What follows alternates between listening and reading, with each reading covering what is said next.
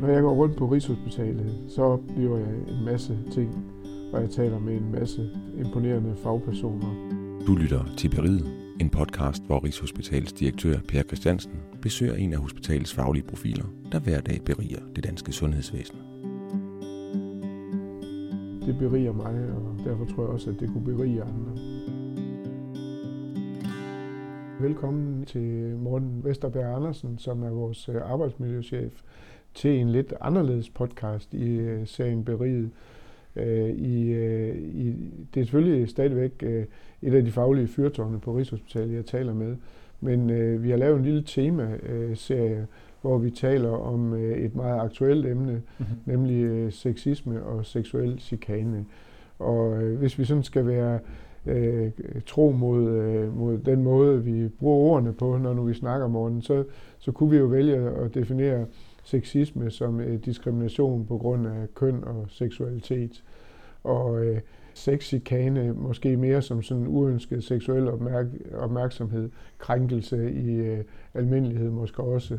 Og, øh, og når nu jeg har valgt at, at, at, at tage snakken med dig, så er det jo fordi, du har arbejdet med det her i, i mange år. Kan du ikke prøve at, at beskrive, hvordan det er, at du har arbejdet med det, vi har arbejdet med det på Rigshospitalet i de, øh, i de seneste år? Jo, vi øh, har jo, øh, hvad skal man sige, arbejdet meget ud fra, øh, altså hvad skal man sige, altså nu, nu har Arbejdstilsynet også kommet med en anden vejledning omkring det her med mobning og krænkelser, hvor, hvor krænkelser ligesom sådan er blevet overbegreb for det hele. Øh, også øh, seksuel chikane, øh, kan man sige. Men stadigvæk er vores forståelse den samme. Den hviler meget på den øh, forskning, den nyeste forskning, der er inden for området, øh, hvor det i virkeligheden handler om det her med, at vi alle sammen kan komme til at træde hinanden over tæerne. Vi kan alle sammen komme til at træde, overtræde hinandens grænser. Øhm, og derfor drejer det sig om at have en kultur, hvor det er, at vi øh, kan sige til og fra, øh, og få justeret, hvad skal man sige, hinanden i en form for adfærd. Øh, og, og den anden forståelse af det er også, at vi på godt og ondt er flokdyr. Og det præger også de arbejdsfællesskaber, vi indgår i. Fordi at, at det er jo det, der har gjort, at mennesker ligesom har overlevet gennem øh, århundreder og årtusinder. Altså hvad skal man sige, at, at i forhold til, at øh, det, at, at øh, vi så gerne vil være en del af en flok, er det, der også gør os stærke. Men det er samtidig også det, som hvis der for eksempel er en, øh, en hård omgangstone i et fællesskab, så det at bryde den cirkel kan være svært, fordi man kan være bange for, bliver jeg nu den, der kommer til at stå uden for flokken, hvis jeg ikke gør som alle de andre. Øh, så så øh, virkelig kan man komme i det, som man også kan kalde for en catch-22. Altså at, at øh, det er mod mine værdier, at jeg i virkeligheden taler grimt til de andre, eller, men samtidig så er det adgangsbilletten til fællesskabet. Og der viser øh, forskningen også fra skoler og sådan noget, at ja, hvad gør man så? Altså selvom man har de værdier, så vælger de fleste af os sådan set at øh, vælge adgangsbilletten til fællesskabet. Det vil sige at gøre, som vi nu er vant til at gøre sammen. Du lytter til Beriget, en podcast om faglige fyrtårne på Rigshospitalet. Det er, at der nu i sådan et arbejdsfællesskab er nogen, der føler sig krænket, føler deres øh, egne grænser øh, overskrevet. Mm øh, det er vel ikke acceptabelt. Det, er vel, øh, det vi ofte hører, det er, at øh, det er den øh, krænkede, der må forlade fællesskabet, mens krænkeren får lov at blive. Øh, er det i orden? Nej, det er ikke i orden. Men, men, men jeg vil også sige, at, at jeg har det... Øh, jeg synes, det er et forkert måde at sige, at nu skal vi sige, at, at øh, alle krænkelser, også seksuelle krænkelser, er uacceptabelt. Fordi dybest set er det... Øh, at når vi kommer til at overtræde en andens grænser, så, så er det jo meget, meget sjældent i virkeligheden, at det er intentionen at overtræde grænserne. Dybest set er det jo sådan, vi kommer til at gøre som mennesker. Så at sige, at det er uacceptabelt, øh, det er det samme som at sige, at det er uacceptabelt at være menneske. Men, men jeg, det, det er ikke, fordi jeg er uenig med dig i det, men jeg synes, det er ret svært at, at, at agere i, i det felt ud fra den præmis. Fordi det, det vi jo ofte hører, er, at den, der er øh, blevet krænket, har opfattet det nærmest som sådan en traumatiserende oplevelse, som ja. man vender tilbage til. Vi kan jo se i de sager, vi hører om, i hvert fald fra ja. medierne, at det er noget, der er foregået for mange år siden, men man vender stadigvæk tilbage til det, og det betyder jo, at det har en eller anden større betydning for ens liv og ens videre liv. Hvordan skal vi agere for at få det her stoppet? Jamen, altså jeg synes jo selvfølgelig ikke, det er heldigt og, og, og okay, at der er nogen, der må forlade arbejdspladsen efter en seksuel krænkelse eller krænkelse i al almindelighed.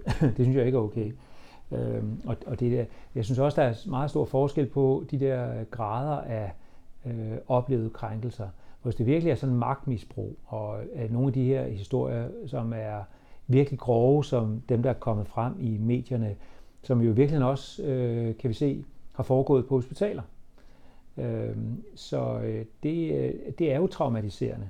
Og, og det er jo også det her med, at der er det helt særlige omkring seksuelle krænkelser. Det efterlader ofte den, der oplever sig krænket, med en skyldfølelse og en, en, en skam over ikke i virkeligheden har gjort, som man skulle. Altså, altså vedkommende er blevet opdraget til det her med at skulle sige fra, og hvorfor handlede jeg ikke i situationen. Og, altså man kan se, selvom, selvom det er for udenforstående i en konkret sag, med en, som er blevet befamlet på det groveste, eller sådan et eller andet, så, så hvor, set udefra, jamen, så, så er det jo helt tydeligt, hov, der er jo magtmisbrug, hov, det er jo helt skævt det her, så selv for den krænkede ved vi jo, at, at det er forbundet med skyld og skam, og jeg vil helst ikke tale om det, fordi at, at jeg, øh, jeg føler, at øh, jeg burde have gjort noget andet.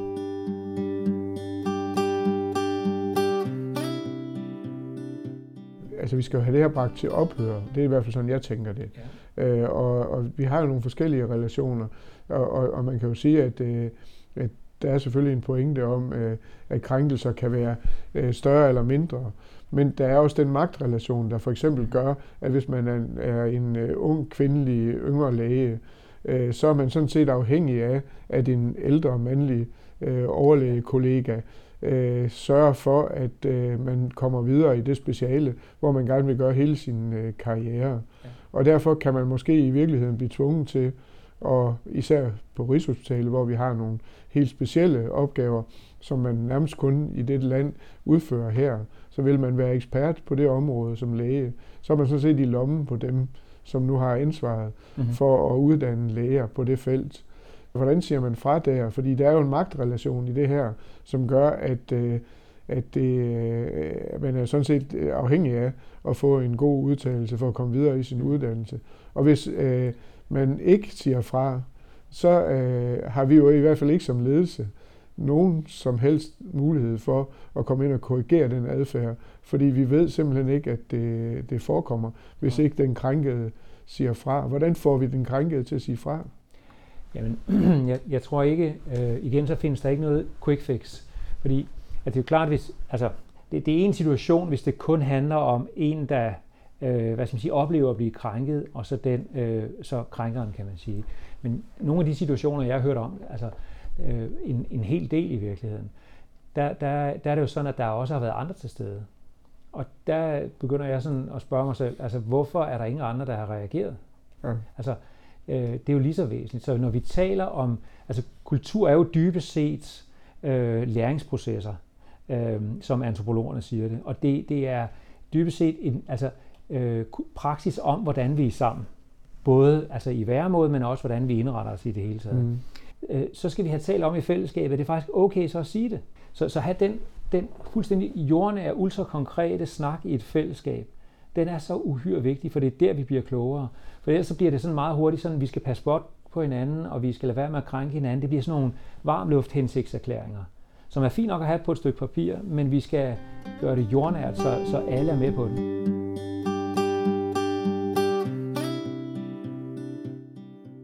I den kultur, hvor den her krænkelse foregår, der er der nok også en kultur, der gør det sværere at sige fra ja. øh, i virkeligheden. Fordi på ja. en eller anden led hænger det jo nok også øh, sammen. Ja. Øh, og jeg, jeg har da selv oplevet også øh, at være i de der situationer, man kan være i. Nu kan det godt være, at jeg har gået øh, i skole på en tid, hvor sol, skolen var lidt mere sort, end den er i dag. Men der var der lærere, der forfulgte bestemte elever. Og der var ikke nogen, der sagde fra, fordi så var man sikkert den, der var den næste, der blev ja. forfulgt. Ikke? Og det er, jo, det er jo det, der er også øh, samme mekanisme i det her. Yes. Øh, og, og der tænker jeg, hvad, hvad er det, vi gør øh, for at forhindre det her? Øh, for at skabe en anden kultur? Øh, for at få folk til både selv at sige fra, men også sige fra på andres vegne. Altså, der, der er det vores erfaring i, i enheden, at, altså, at øh, det, der er rigtig vigtigt først, det er, at dem, altså det fællesskab, der drejer sig om, i virkeligheden erkender, at der er et problem. Og hvis, hvis man har erkendt i et fællesskab, at vi har et problem, og det er der faktisk rigtig mange, der henvender sig omkring og siger, vi har altså en, en hård omgangstone, som specielt de nyansatte, de slår sig på. Ikke? Så er der noget til, en grund til at gøre noget ved det, fordi faktisk kan vi lære en hel masse af de nyansatte, fordi de ser det udefra på en anden måde, end os, der har været der lang tid, ser det. Og øh, så, så, så det handler om, og så også at gå ind og prøve at se, hvad er i virkeligheden årsagen til, at vi render rundt og har sådan en hård tone. Altså, fordi folk, øh, altså det har en funktion, den måde, vi gør på. Måske er det simpelthen for at få luft over nogle forskellige frustrationer. Måske er det, mm. fordi vi får presset og sådan nogle ting. Det er ikke, fordi det skal være en undskyldning for, hvordan vi handler. Men det at gå ind og prøve at finde ud af, hvad er det for en funktion, det har, når det er, vi agerer, som vi gør, det gør, at det også bliver mere legitimt at tale om. Fordi så bliver det ikke så kriminelt. Fordi nogle gange, når vi taler om mobning og krænkelser, så bliver det sådan, der er nogle onde mennesker, som krænker nogle andre, så, så er der nogle kriminelle, så bliver det sådan noget tabubelagt. Men mere forstå det, når vi, vi agerer, fordi vi er mennesker, og kommer til at gøre det, fordi at, når, jamen, altså, nu er vi vendet os til at være sammen på den her måde, og det har den og den funktion. Så når, vi, når først det går op for folk, så kan vi godt sige, okay, nu er der en grund til at ændre det. Og, og så se på, og, og også bare få en indsigt, Gud, hvordan er det i virkeligheden, vi render rundt og er sammen. Det er en aha-oplevelse for rigtig mange arbejdsfællesskaber. Gud, sådan har jeg egentlig slet ikke set det. Men hvordan åbner vi den diskussion? Altså det er der jo mange forskellige greb om. Altså der kan for eksempel være sådan noget som, altså øh, vi har prøvet rigtig meget med rollespil mm. øh, i nogle arbejdsfællesskaber. Altså nogle gange kan man, det behøver ikke engang at bruge skuespillere, øh, men nogle gange har vi brugt det øh, skuespillere, øh, som virkelig sætter mm. følelserne i kog. Selvom vi til siger, at det her det foregår på Ekskøbing sygehus, så det folk spejler sig i deres egen hverdag. Mm. Og så, så er der nogen, der ligefrem nogle gange begynder at påstå, at vi har skrevet den her scene i forhold til mig. Og så plejer jeg gerne at sige, at prøv, prøv lige at række hånden op af jer, der godt kan genkende jer selv i de her situationer. Så er det sådan set som regel alle folk. Det er nogle konkrete situationer, vi alle sammen kan spejle os i. Så det at se sig selv udefra, er en rigtig god indgangsvinkel til også at kunne se, gud ja, måske er der nogle ting, vi skal ændre på. Øh, jeg, jeg tror ikke på, at man kan lave en revolution fra den ene dag til den anden.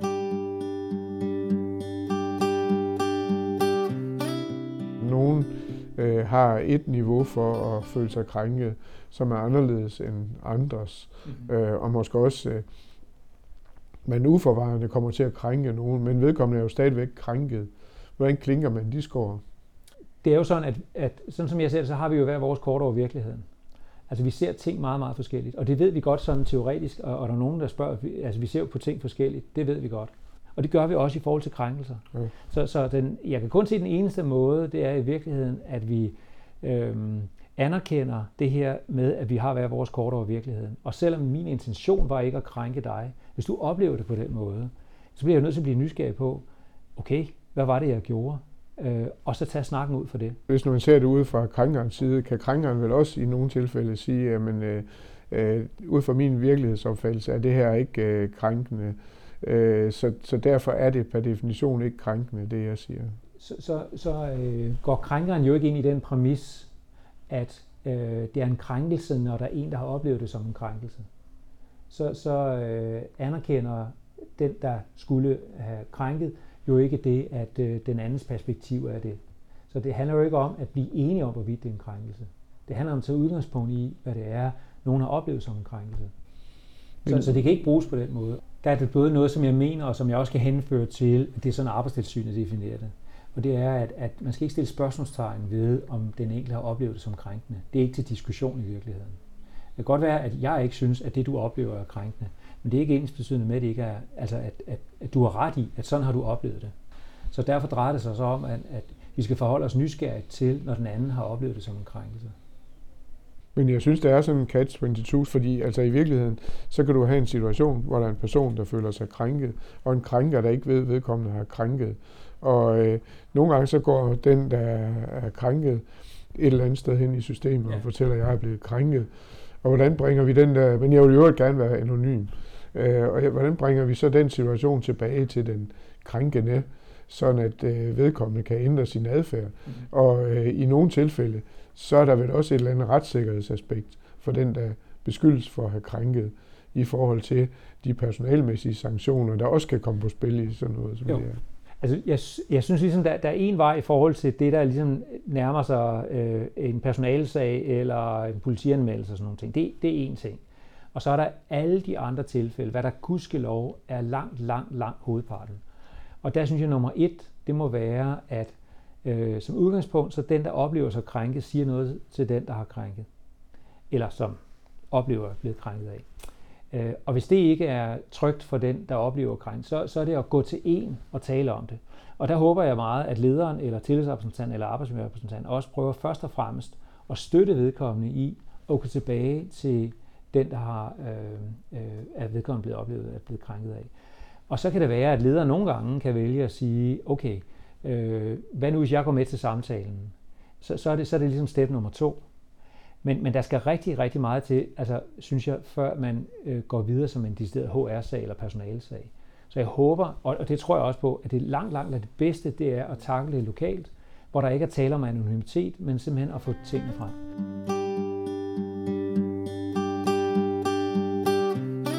Hvis vi sådan skal summere det her op til også at give nogle gode råd, så vil det jo vel være, at øh, vi, øh, vi hvis, hvis man føler sig krænket i en situation, eller oplever en krænkelse, så kan man selvfølgelig gå til sin leder. Hvis man ikke er, er tryg ved det, så går man til sin øh, tillidsrepræsentant eller arbejdsmiljørepræsentant. Ja. Og så øh, er det en måde at få rejst en dialog, ja. øh, måske også på i virkeligheden på et anonymt grundlag, hvor man snakker om, om hele ja. kulturen. Og så, er, så står I også klar til at, at gå ind i det. Ja. Og, og, og I er også øh, påtænkt at oprette nu en, øh, en hotline, hvor ja. man også kan henvende sig direkte til jer. Yes. Og ellers følger vi selvfølgelig med i de øh, medarbejdertilfredshedsundersøgelser, som, som kommer øh, løbende. Ja. Og, og hvis vi oplever noget der, som kan ligne... Øh, der er jo også spørgsmål omkring øh, uønsket seksuel opmærksomhed osv., så, ja. så, så, så vil vi selvfølgelig gribe ind i forhold til det. Så det er vel sådan, ja. det korte af det lange, det gør ikke situationen nem, men ja. øh, det giver i virkeligheden nogle værktøjer til at, at komme et skridt videre øh, på at få, få fat om øh, Nellens råd i det her. Ja.